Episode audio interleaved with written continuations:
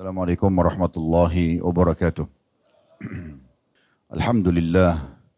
Tidak pernah berhenti lisan kita memuji sang pencipta Allah atas segala nikmat yang dilimpahkan kepada kita.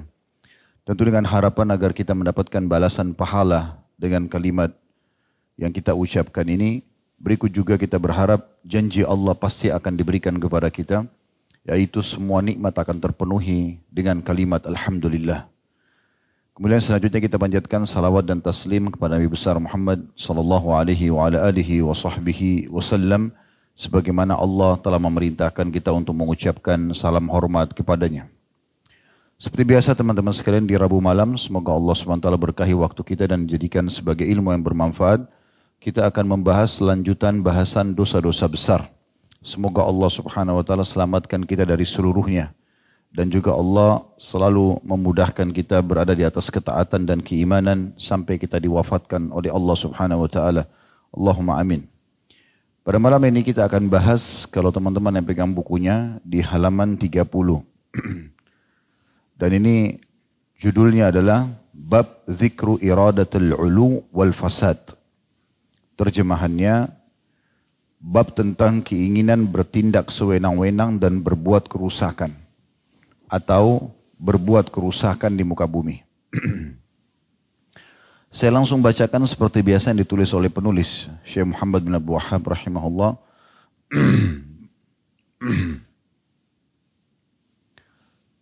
Bermula dari dalil surah Al-Qasas ayat 83 yang bunyinya Allah berfirman Tilka darul akhiratu naj'aluha lilladina la yuriduna 'uluwan fil ardi wala fasada wal 'akibatu lil muttaqin.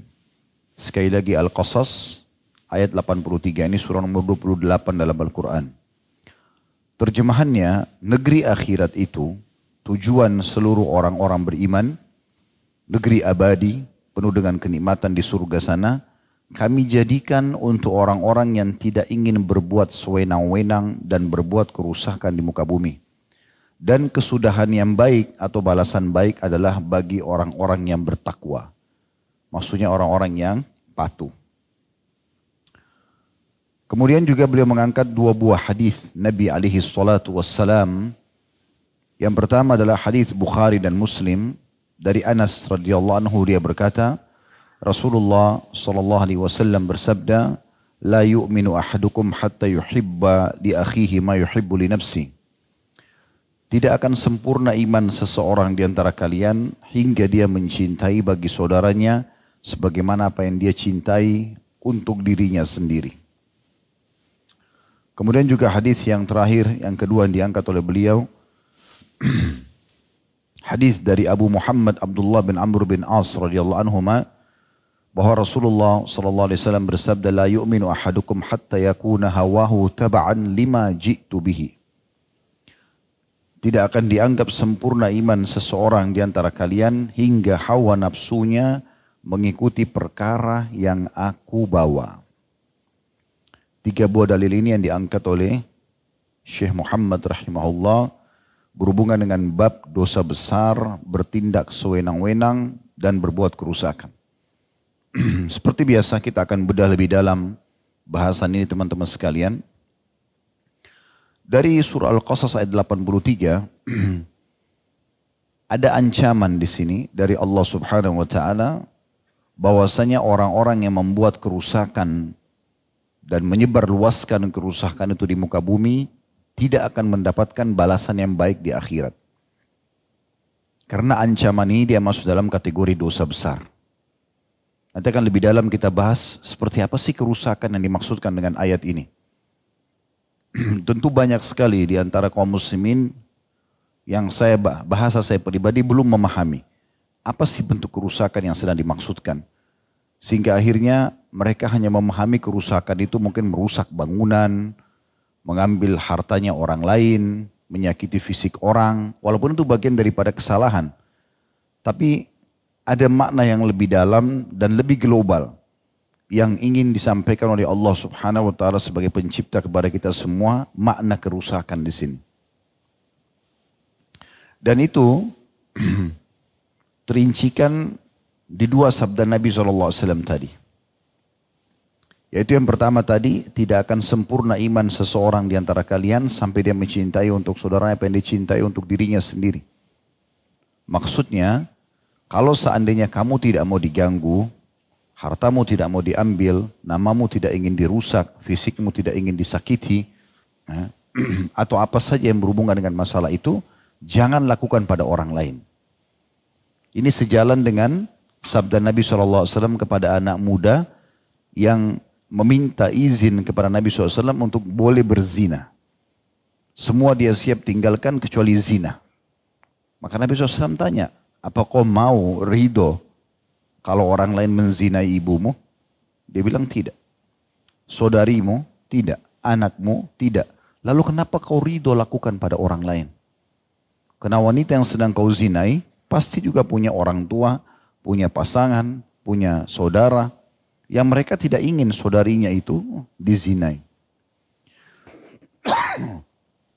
Berarti dari hadis ini kita bisa lihat ada kolerasinya dengan ayat tadi. Itulah sebabnya kenapa Syekh Muhammad rahimahullah masukkan hadis ini dalam bab ini. Bahwasanya kerusakan terjadi dari individu ke individu yang lain atau dengan lingkungan itu justru karena perbuatan yang dilakukan oleh si pelaku perusak itu sendiri. Nanti akan lebih dalam kita jelaskan tentunya. Kemudian hadis yang kedua juga tadi, tidak akan sempurna iman seseorang di antara kalian sampai hawa nafsunya mengikuti perkara yang aku bawa. Apa maksudnya? Nabi SAW membawa kepada kita penjelasan agar bisa masuk ke dalam surga dan selamat dari api neraka. Siapa pun yang hawa nafsunya keinginannya, sikap hariannya tidak sesuai dengan apa yang Nabi SAW bawakan, yaitu untuk mengejar dan mendapatkan surga sebagai balasan, berarti kerusakan. Semuanya harus tunduk. Hawa nafsu, keinginan, sikap, sifat harus ikuti Nabi SAW. Kalau tidak berarti akan terjadi kerusakan. Ini secara global dulu apa yang disampaikan oleh Syekh Muhammad rahimahullah. Kita akan lebih dalam membahas masalah ini agar bisa lebih difahami. Setelah saya coba bolak-balik menelusuri apa sebenarnya yang ingin disampaikan oleh Syekh Muhammad dalam dosa besar ini, ternyata berkisar di masalah apa yang sedang kita bahas dan sudah sampai 140 lebih bahasan kita, yaitu masalah kemaksiatan. Kerusakan yang dimaksud adalah bermaksiat kepada Allah Subhanahu wa taala. Maksiat apa pun, sekecil apa pun, sampai sebesar apa pun, semua itu adalah kerusakan yang dimaksudkan. Mari kita dengar teman-teman sekalian perkataan para ulama berhubungan dengan masalah tafsir beberapa ayat-ayat Al-Quran juga dikuatkan dengan beberapa hadis Nabi alaihi salatu wassalam. Yang pertama coba renungi surah Ar-Rum. surah nomor 30 ayat 41. Sekali lagi surah Ar-Rum ayat 41. Surah nomor 30. Allah Azza wa Jal berfirman, ظهر الفساد في البر والبحر بما كسبت أيدي الناس ليذيقهم بعض الذي عملوا لعلهم يرجعون. Kata Allah subhanahu wa ta'ala telah tampak kerusakan jadi Allah gunakan bahasa kerusakan. Di darat dan di lautan. Disebabkan karena perbuatan tangan manusia. Dalam kurung terjemahannya maksiat. Supaya Allah merasakan kepada mereka sebagian daripada akibat perbuatan mereka agar mereka kembali ke jalan yang benar. Di ayat ini Allah Azza wa Jalla menerjemahkan kepada kita semua kerusakan itu sama dengan maksiat. Artinya siapa pun yang berbuat maksiat baik dia pribadi atau dia sebarkan kepada orang lain justru itulah awal permulaan kerusakan semuanya. Kerusakan udara, kerusakan hubungan, kerusakan eh, kemarau hujan tidak turun dan segala macam. Banyak orang pada saat melihat banjir, gempa, tsunami dan apa pun yang semisal dengan ini, lalu mereka menganggap oh ini fenomena alam terjadi. Mereka tidak mempelajari Apa kira-kira sebabnya? Abdullah bin Mas'ud radhiyallahu anhu itu kalau mendengar guntur, guntur saja yang biasa kita dengar menggelegar di langit sana. Maka beliau langsung mengatakan kepada orang di sekitarnya, sungguh ini adalah peringatan yang sangat tegas dari Allah yang di atas langit sana kepada penduduk bumi. Maka segeralah kembali kepada Tuhan kalian. Padahal guntur sudah sering kita dengar setiap musim hujan. Tapi begitu luar biasanya mereka berhati-hati sekali. Dalam riwayat Bukhari disebutkan baginda Nabi alaihi salatu wassalam itu kalau melihat mendung seperti sekarang kita di musim hujan ini sering lihat mendung. Kalau Nabi SAW melihat mendung, beliau gelisah, mondar mandir, tidak tenang sampai beliau pastikan lihat dengan mata kepalanya air hujan turun. Pernah ditanya oleh Aisyah radhiyallahu ya Rasulullah, kenapa anda begitu gelisah? Kata Nabi SAW, wahai Aisyah, apa yang menjamin untukku di belakang mendung ini azab atau rahmat. Bisa saja ini siksaan. Karena sebagian kaum yang lalu Allah subhanahu wa ta'ala siksa mereka dengan mendung. Mereka pikir mau turun hujan, ternyata turun azab dari situ. Jadi begitu hati-hatinya. Imam Ash-Shawqani, maaf, ada Imam Abu Aliyah. ini seorang tabi'in senior ini. Beliau wafat tahun 90 Hijriah. Namanya Rufai bin Mihran Ar-Riyahi. Beliau memiliki sebuah pendapat yang sangat baik dalam masalah ini. Beliau mengatakan pada saat membahas tadi tafsir surah Ar-Rum ayat 41.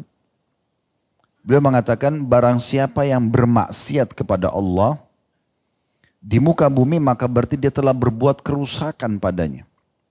Maksiatnya dia itu, misalnya orang berzina di satu tempat. Dia sedang merusak lokasi itu. Apakah tanahnya, apakah tumbuhannya, apakah hewannya, apakah udaranya, semua disebabkan maksiat dia. Sebaliknya berarti, kalau di wilayah itu orang sholat, orang puasa, orang berzikir, orang mengaji, orang ibadah kepada Allah, maka dia telah memakmurkan lokasi sekitar itu. Dan betul-betul akan subur, akan makmur. Makin banyak orang melakukan maka makin makmur. Dan itulah sebabnya kenapa para nabi-nabi diutus oleh Allah Subhanahu wa taala, mengeluarkan manusia dari kemaksiatannya kepada Allah kepada ketaatan. Abu Aliyah mengatakan, rahimahullah, seorang tadi saya katakan ulama tabi'in yang terkenal dengan ilmunya, dengan imannya, wafat tahun 90 Hijriah, Kurang lebih terjemahnya barang siapa yang bermaksiat kepada Allah di muka bumi maka berarti dia telah berbuat kerusakan padanya. Karena perbaikan di muka bumi dan di langit hanya bisa dicapai dengan ketaatan kepada Allah. Hujan turun, subur, ya, kemudian banyak rezeki melimpah, jiwa seseorang itu tenang itu karena ketaatan. Walaupun ekonominya biasa.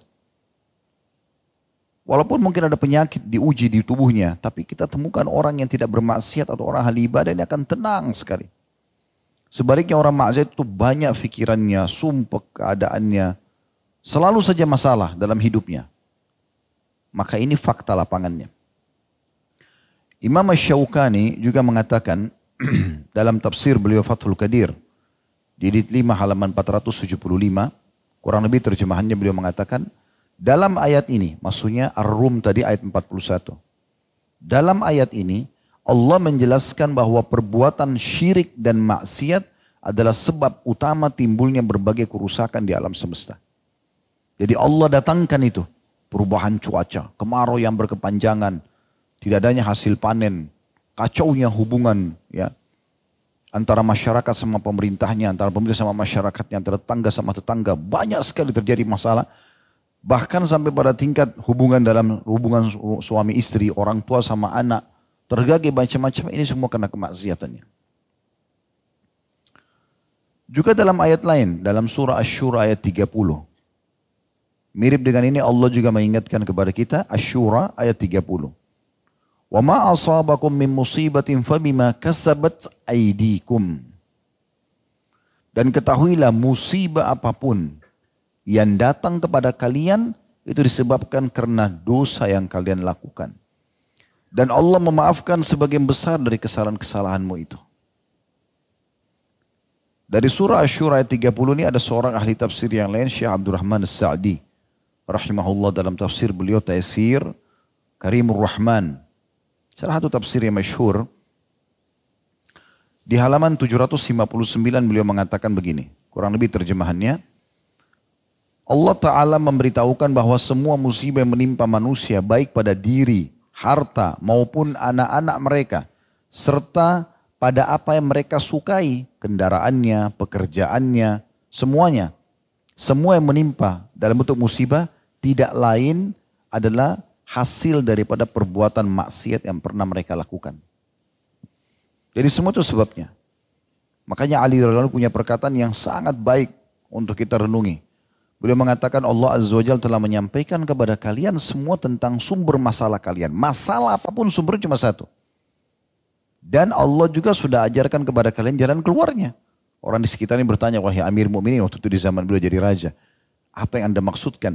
Apa sumber masalah kami dan apa solusinya? Beliau mengatakan sumber masalah kalian dosa. Itu saja, maksiat. Dan Allah memberikan solusinya taubat. Yang uniknya ini, banyak orang sudah tahu ini, tapi tetap melanggar maksiat. Yang pasti konsekuensinya dekat dengan hukuman. Sekarang rasionalnya kita kerja di satu perusahaan. Perusahaan sudah kasih nih pelanggaran-pelanggaran ini ya. Lalu ada orang mengatakan, ah nggak apa-apa deh, saya langgar aja. Dia bisa bilang gitu. Oke, berarti dia siap untuk menerima konsekuensinya. Udah nggak apa-apa telat datang, nggak usah kerjakan nanti aja. Berarti dia siap, harus siap dengan konsekuensi ada hukuman, kan begitu. Banyak orang ugal-ugalan, sudahlah nggak apa-apa, Nanti kalau ketahuan baru gampang, paling juga baru ada SP1, SP2. Dia tidak sadar sebenarnya dia sedang melakukan kerusakan buat dirinya sendiri. SP1 surat peringatan satu pun sudah tidak baik, merusak citra dia. Di depan pemilik perusahaan, di teman-temannya, di tengah-tengah masyarakatnya terancam bisa saja SP2-nya keluar pada hari yang sama. Mungkin langsung SP3 dan dikeluarkan di PHK dan akhirnya keluarganya terbengkalai tidak bisa hidup. Nah itu maksiat. Ya. Bahkan banyak sekali pertengkaran yang terjadi antara rumah tangga, tidak dikaruniakannya seseorang itu anak, atau misalnya ya ributnya suami istri, atau misalnya orang tua sama anak. Kalau sudah punya anak pun kadang-kadang ribut. Bahkan ada orang subhanallah lahir dari sperma dia pembunuh dia. Karena income yang diambil hasil haram, selalu bermaksiat, mabuk-mabukan, zina sana sini. Maka akhirnya Allah subhanahu wa ta'ala buat dari keturunan dia justru pembunuh dia. Anaknya membunuh dia karena ingin merebut harta misalnya. Berapa banyak terjadi kasus. Hampir seluruh dunia banyak kasus terjadi seperti ini. Makanya sebagian salaf, sebagaimana sering kita sebutkan ini ya, yang Ibnu Qayyim rahimahullah sebutkan dalam buku beliau Ad-Da' Dawa, beliau mengatakan sebagian salaf mengatakan aku tahu aku sedang bermaksiat kepada Allah di saat aku melihat perubahan sikap dari keluargaku. Sebagian antara mereka bahkan mengatakan pada saat aku melihat perubahan sikap dari tungganganku dan tikus yang ada dalam rumahku. Mungkin kita sering lihat tikus di rumah kita tapi kita anggap biasa saja. Udahlah itu tikus. Ya. Hewan kebetulan lewat. Atau ada god dekat rumah saya. Sebenarnya bukan itu. Artinya kalau kita betul-betul bertakwa kepada Allah subhanahu wa ta'ala mustahil itu terjadi. Bukan cuma itu, bau busuk aja yang tercium di hidung sebagian ulama salaf dulu mereka lewat satu tempat tercium bau sampah saja. Biasa orang lewat dekat sampah tercium baunya. Tapi kalau mereka lewat dan mereka merasakan itu langsung mereka beristighfar kepada Allah SWT. Karena tidak mungkin Allah sampaikan di hidung dia kecuali dia yakin itu adalah ada teguran. Ya, ada teguran. Di beberapa pekan yang lalu juga sudah kami sampaikan bagaimana Daud alaihissalam Allah uji, Allah datangkan bangkai dilempar di depan singa sananya langsung beliau sujud tidak angkat kepalanya sampai Allah subhanahu wa ta'ala menurunkan firmannya kalau ini adalah hanya ujian saja. Menguji imannya Daud alaihissalam baru beliau angkat kepalanya. Di firman Allah yang lain juga, Allah menyebutkan tentang orang-orang munafik. Karena mereka punya sifat kemunafikan. Sebenarnya orang-orang munafik ini di masa, Nabi SAW, mereka pedagang, mereka eh, tokoh masyarakat, mereka juga berumah tangga, Mungkin sebagai mereka baik dengan istrinya, dengan anaknya. Tapi karena kemunafikannya ini maksiat ini. Munafik, pura-pura Islam. Kalau dia sekalian nyata kafir saja, udah. Masalahnya orang munafik ini berada di tengah-tengah. Sama orang kafir dia ngaku kafir, sama orang beriman dia ngaku beriman. Dan Allah turunkan khusus surah buat mereka. Dan karena kemunafikannya itu berwajah dua, dia bisa berubah-ubah. Tidak jelas kafir atau beriman. Allah sebutkan mereka sebagai pembuat kerusakan di muka bumi. Mohon maaf. Dalam surah Al-Baqarah, surah nomor 2 eh, ayat 11 sampai ayat 12, Allah berfirman tentang mereka. وَإِذَا قِيلَ لَهُمْ وَإِذَا قِيلَ لَهُمْ لَا lahum فِي الْأَرْضِ قَالُوا إِنَّمَا نَحْنُ inna أَلَا إِنَّهُمْ هُمُ Ala وَلَكِنْ لَا يَشْعُرُونَ. Bila dikatakan kepada mereka orang-orang munafik itu janganlah kalian buat kerusakan di muka bumi. Maksudnya dengan kemunafikan kalian ini. Pura-pura berwajah dua. Udah sekali jelas mukmin atau kafir. Mereka menjawab, Maksudnya kami karena mau mengadakan perbaikan supaya kita bisa masuk di semua kelompok. Semuanya kita bisa berikan masukan. Orang beriman iya. Padahal sebenarnya bukan itu tujuan mereka. Dan ketahuilah kata Allah, sungguhnya mereka itulah orang-orang yang membuat kerusakan tapi mereka tidak sadar. Kembali lagi ke tafsir, Taisir, Karimur Rahman bukunya Syekh Abdul Rahman Sa'adi rahimahullah beliau mengatakan melakukan maksiat di muka bumi dinamakan oleh Allah berbuat kerusakan. Karena perbuatan tersebut menyebabkan rusaknya apa pun yang ada di muka bumi seperti biji-bijian, buah-buahan, pepohonan, tumbuh-tumbuhan. Karena terkena penyakit yang disebabkan perbuatan maksiat. Subhanallah hasil panen terganggu, ya udara terganggu, semua terganggu karena dosa yang ada di situ. Makanya dalam Islam ada istilah amr ma'ruf nahi mungkar kan kan. Kalau orang berbuat baik kita ingatkan, kalau orang buat dosa kita berhentikan. Karena kerusakan yang dia lakukan kena maksiat itu akan merambas ke mana-mana. Ingat hadis Bukhari di mana Nabi SAW mengatakan, perumpamaan kalian dengan orang-orang yang buat maksiat ini seperti orang yang berada di atas satu kapal. Sama-sama satu perjalanan. Tapi mereka ada di dak kapal, kalian ada di atas. Setiap kali mereka mau ngambil air, mereka selalu lewat atas. Maka mereka satu sama lain saling membisikkan. Daripada kita naik ke atas, mendingan kita bolongin aja kapal dari bawah. Tidak capek-capek ke atas, ambil air langsung. Mereka tidak sadar bolongan mereka ini walaupun kecil membuat kapal bisa tenggelam. Kata Nabi SAW, kalau kalian biarkan mereka membolongi kapal di bawah itu, maka kalian akan tenggelam semuanya. Coba bayangkan. Dan Nabi SAW mengatakan kalian harus menarik tangan dan memberhentikan orang buat maksiat atau azab Allah akan merata. Ummu Salamah berkata radhiyallahu anha ya Rasulullah, "Anuhliku wa fina salihun?" Apakah kami bisa dibinasakan sama Allah di tengah-tengah kami sementara tengah ada orang-orang yang soleh? Kata Nabi SAW, Naam idha kathural khabath. Iya, kalau mayoritasnya dosa. Tapi kalau masih berimbang atau orang buat amal soleh masih lebih banyak dan mereka coba memberhentikan kemungkaran tersebut maka masih lebih aman. Tapi itu pun masih terancam. Berarti ada fasilitas yang harusnya mereka dapatkan hilang gara-gara dosanya sebagian ahli maksiat ini. Baik itu di lingkup rumah tangga, di perusahaan, di negara, bahkan di dunia ini sekaligus. Jadi beliau mengatakan, saya ulangi, Syekh Abdurrahman Sa'adi mengatakan rahimahullah, melakukan maksiat di muka bumi dinamakan berbuat kerusakan oleh Allah. Karena perbuatan tersebut menyebabkan rusaknya apa yang ada di muka bumi seperti biji-bijian, buah-buahan, pepohonan, dan tumbuh-tumbuhan. Karena terkena penyakit yang disebabkan perbuatan maksiat tersebut. Demikian juga karena melakukan perbaikan di muka bumi adalah dengan memakmurkan bumi dengan ketaatan dan keimanan kepada Allah.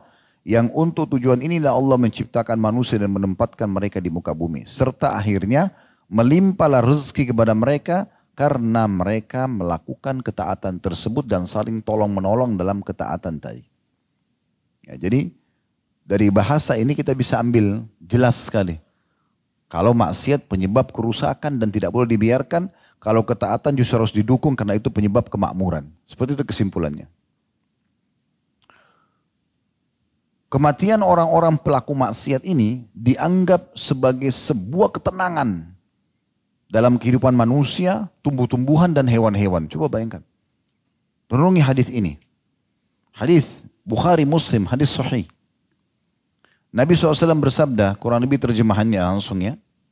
Kematian seorang yang fajir atau ahli maksiat akan menjadikan manusia, negeri, pepohonan dan binatang terselamatkan dari kerusakan karena dosanya. Matinya satu ahli maksiat, pemabuk, pelaku syirik, pelaku maksiat umumnya, maka itu menyelamatkan banyak orang di sekitar dia yang tadinya bisa kena tampiasan dosanya. Nabi tidak sebutkan orang saja ya, Nabi sebutkan di sini. Ya. Matinya orang ahli maksiat atau fajir itu menyelamatkan manusia, negeri, pepohonan, binatang terselamatkan dari kerusakan yang disebabkan karena dosa dia. Coba bayangkan kalau jadi kalau makin banyak orang maksiat makin banyak efeknya. Gitu. Dan dosa yang paling berat adalah kesyirikan. Ini dalam surah An-Nisa Allah sebutkan di hari kiamat Allah tidak akan maafkan pelaku syirik. Maka di dunia juga sama. Maksudnya efeknya. Di dunia masih bisa dimaafkan tapi efeknya bahaya sekali. Syaitan atau iblis lebih suka seseorang berbuat syirik daripada berzina, daripada mencuri, daripada menggibah. Menyekutukan Allah subhanahu wa ta'ala. Kembali kita ingatkan lagi bagaimana masyarakat Mekah, Abu Jahal, Abu Lahab, mereka tahu Ka'bah itu rumahnya Allah. Mereka namakan Baitullah. Mereka tawaf di situ. Mereka lakukan ibadah haji mengikuti syariat Nabi Ibrahim AS. Tapi mereka salahnya syirik. Datangkan patung, lalu disembah-sembah patung itu. Dijadikan sekutunya Allah. Mereka kalau sembeli, sebagian dagingnya disembahkan, persembahkan untuk Allah, diberikan fakir miskin di jalan Allah. Setengahnya dikasih sesajen untuk pohon atau untuk patung-patung tersebut. Gara-gara itu Allah murka dengan mereka. Dan karena itu Nabi SAW diutus gitu. Imam kata ada dan juga As-Su'di, dua ulama besar, kata ada bin Da'ama As-Sadusi Al-Basri, ini salah satu ulama tabi'in masyhur meninggal tahun 110 Hijriah. Beliau berkata atau keduanya berkata kerusakan yang sesungguhnya adalah perbuatan syirik dan ini kerusakan yang paling besar yang akan merusak tatanan segala yang ada di sekitarnya. Nah ini banyak tidak sadari, subhanallah. Pada saat diingatkan jangan berbuat syirik, ah apa sih itu? Gak apa-apa kok sesajen buat ini, sesajen buat itu. Minta kepada penjaga gua, dewa lautan dan segala macam. Gak boleh syirik, enggak, gak apa-apa. Ini dia tidak sadar kalau efek maksiat dia hanya untuk diri dia nggak ada masalah terserah. Masalahnya sekitarnya kena semua. Kalau ada yang mengatakan tapi ternyata di satu wilayah mereka lakukan cuman tidak terlalu tidak ada hukuman yang datang seperti yang dikatakan. Belum saja. Saya kadang-kadang lucu saja melihat sebagian orang ya. Misal maaf, ada orang merokok misalnya. Lalu dia mengatakan, saya rokok merokok berapa tahun, bertahun-tahun tidak sakit-sakit. Bahkan masih hidup. Ini lucu ini. Masa dia tunggu dia sakit atau dia mati dulu baru dia mengatakan, oh iya rokok mematikan. Dia kan salah satu dari sekian banyak manusia yang meninggal dan sakit gara-gara rokok yang Allah selamatkan. Kenapa dia tidak ambil pelajaran? Kenapa dia tunggu dulu hukuman yang kena kepada orang lain yang mati dan sakit itu, kena dia baru dia akui. Kan unik ini. Oh, itu kan LGBT nggak ada masalah. Ternyata itu komlut dulu sekarang di Indonesia nggak apa-apa gitu. Bahasanya begitu. Nggak mungkin kami diam. Karena kami tahu teorinya. Kalau itu dibiarkan berefek semua hukuman kalau datang kita kena. Kan gitu. Harus diingatkan. Nggak bisa tidak gitu. Secara alami nggak mungkin laki-laki sama laki-laki menikah. Nggak mungkin. Bagaimana punya keturunan? Populasi manusia harus ada. Mau operasi kelamin 100 kali pun tetap aja begitu. Nggak mungkin punya anak. Rusak fitrahnya. Oh nggak apa-apa. Lalu dibela, subhanallah. Jadi kita tunggu dulu.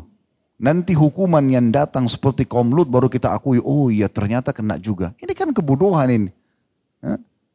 Udah tahu kalau dia balap-balapan, licin jalan jatuh. Ah coba aja dulu nggak apa-apa. Terus kalau jatuh sudah luka patah kakinya, bocor kepalanya, baru oh iya. Kok lucu benar ini. Aneh gitu. Justru sebelum kena, ya Kan kita menjaga kesehatan jauh lebih baik daripada pada saat sudah sakit baru kita berobat kan gitu. Ngapain kita mau coba dulu? Nggak usah coba. Ini harus pakai akal sehat berpikir ini.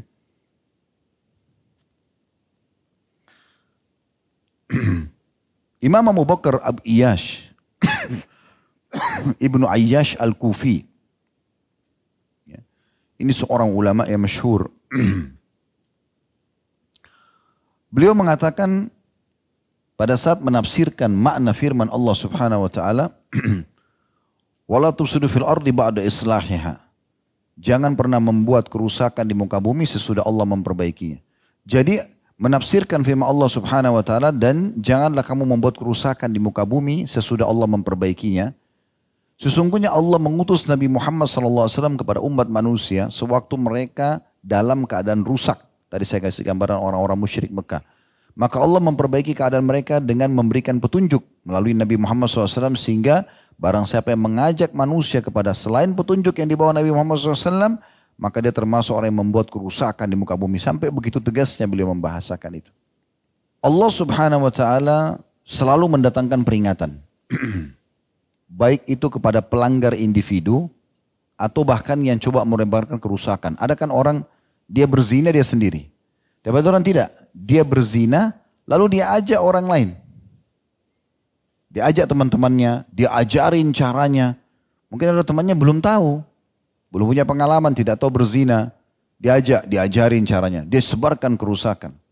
Semua ini makin banyak dia buat maksiat, maka makin banyak peringatan. Tujuannya sebenarnya agar mereka kembali ke jalan Allah Subhanahu wa taala. Disebutkan dalam Firman Allah SWT tadi surah Ar-Rum ayat 41 itu ya. Linudhikahum ba'dalladhi amilu la'allahum yarji'un. Kami berikan, rasakan kepada mereka sebagian akibatnya agar mereka kembali ke jalan Allah. Agar mereka kembali ke jalan Allah subhanahu wa ta'ala. Dan cara mengatasi semua itu teman-teman sekalian adalah satu saja. Taubat. Taubat nasuha. Dan coba, coba komitmen dengan diri sendiri janji dengan Tuhan Allah Subhanahu wa taala sisa umur ini semuanya isi dengan ketaatan. Komitmen aja. Jalankan itu.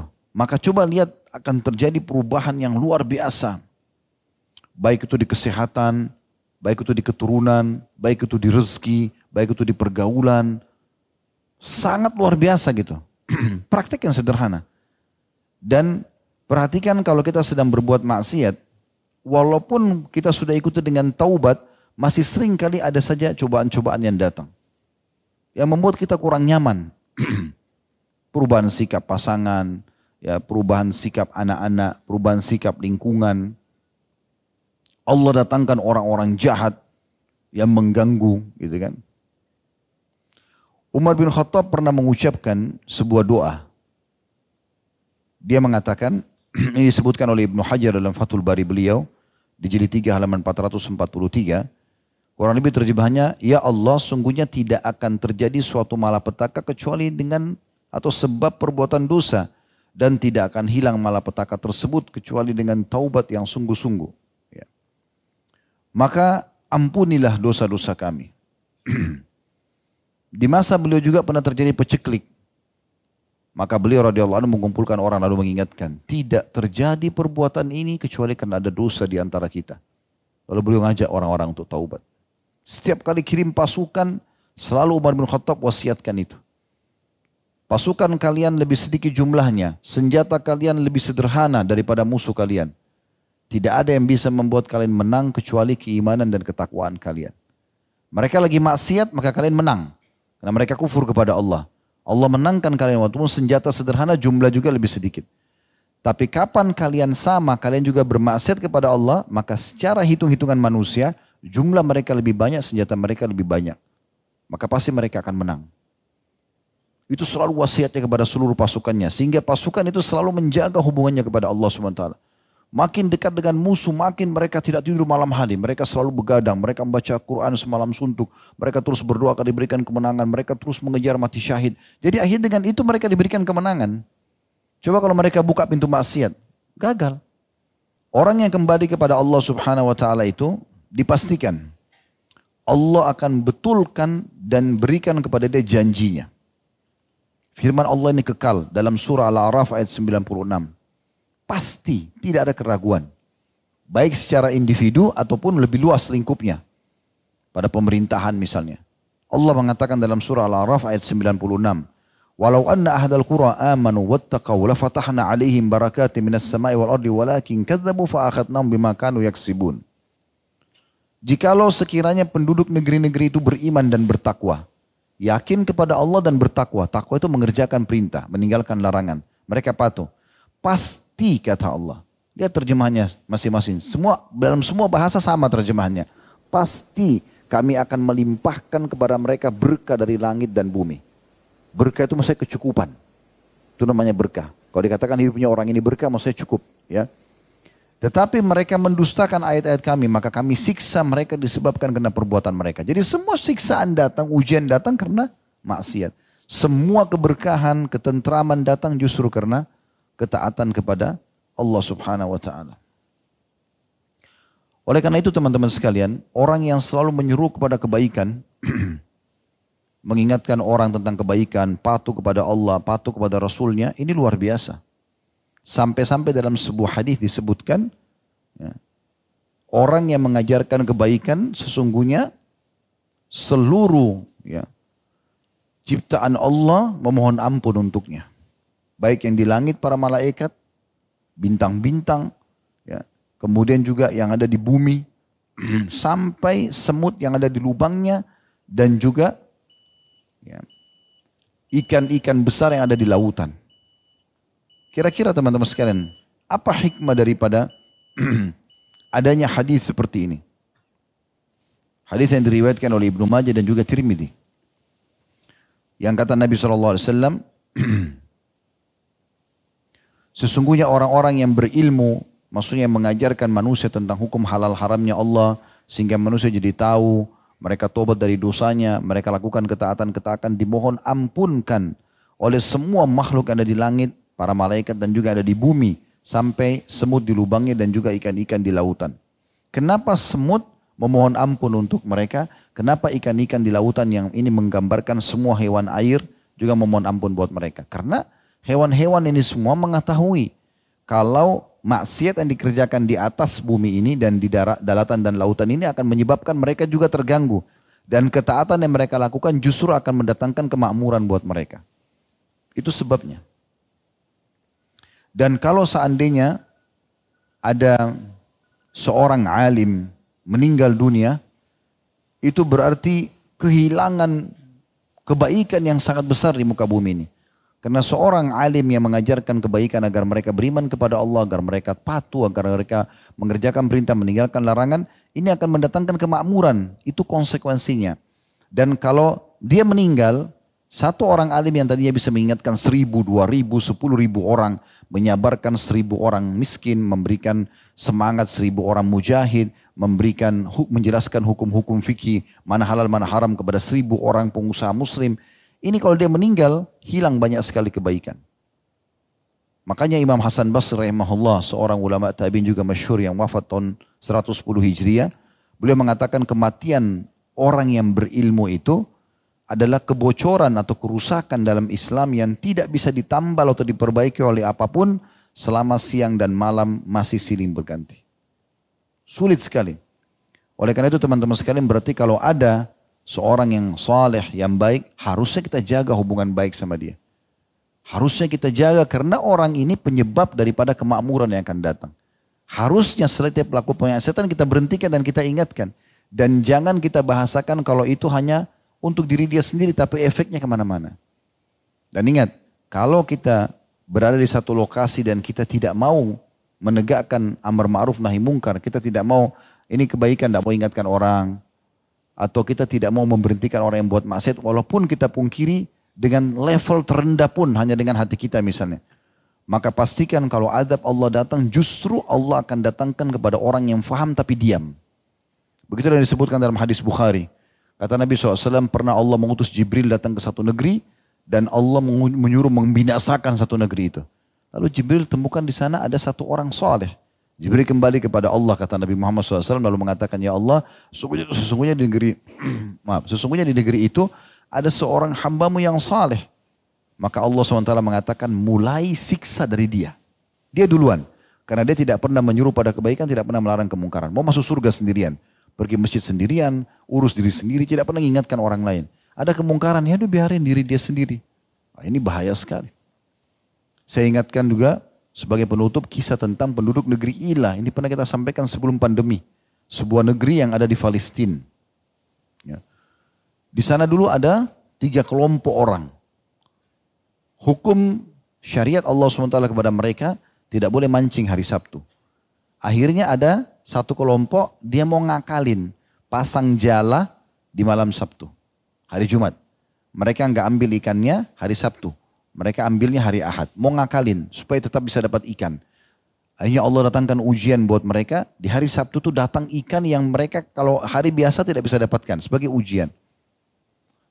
Maka ada satu kelompok mengatakan jangan, tidak boleh. Ini haram, dilarang dalam agama kita untuk mancing hari Sabtu. Ujian dari Allah, tinggalkan. Jadi ini dua kelompok nih berseteru. Yang satu mengatakan tidak apa-apa, maka melanggar, yang satu melarang. Ada kelompok ketiga ini yang unik nih.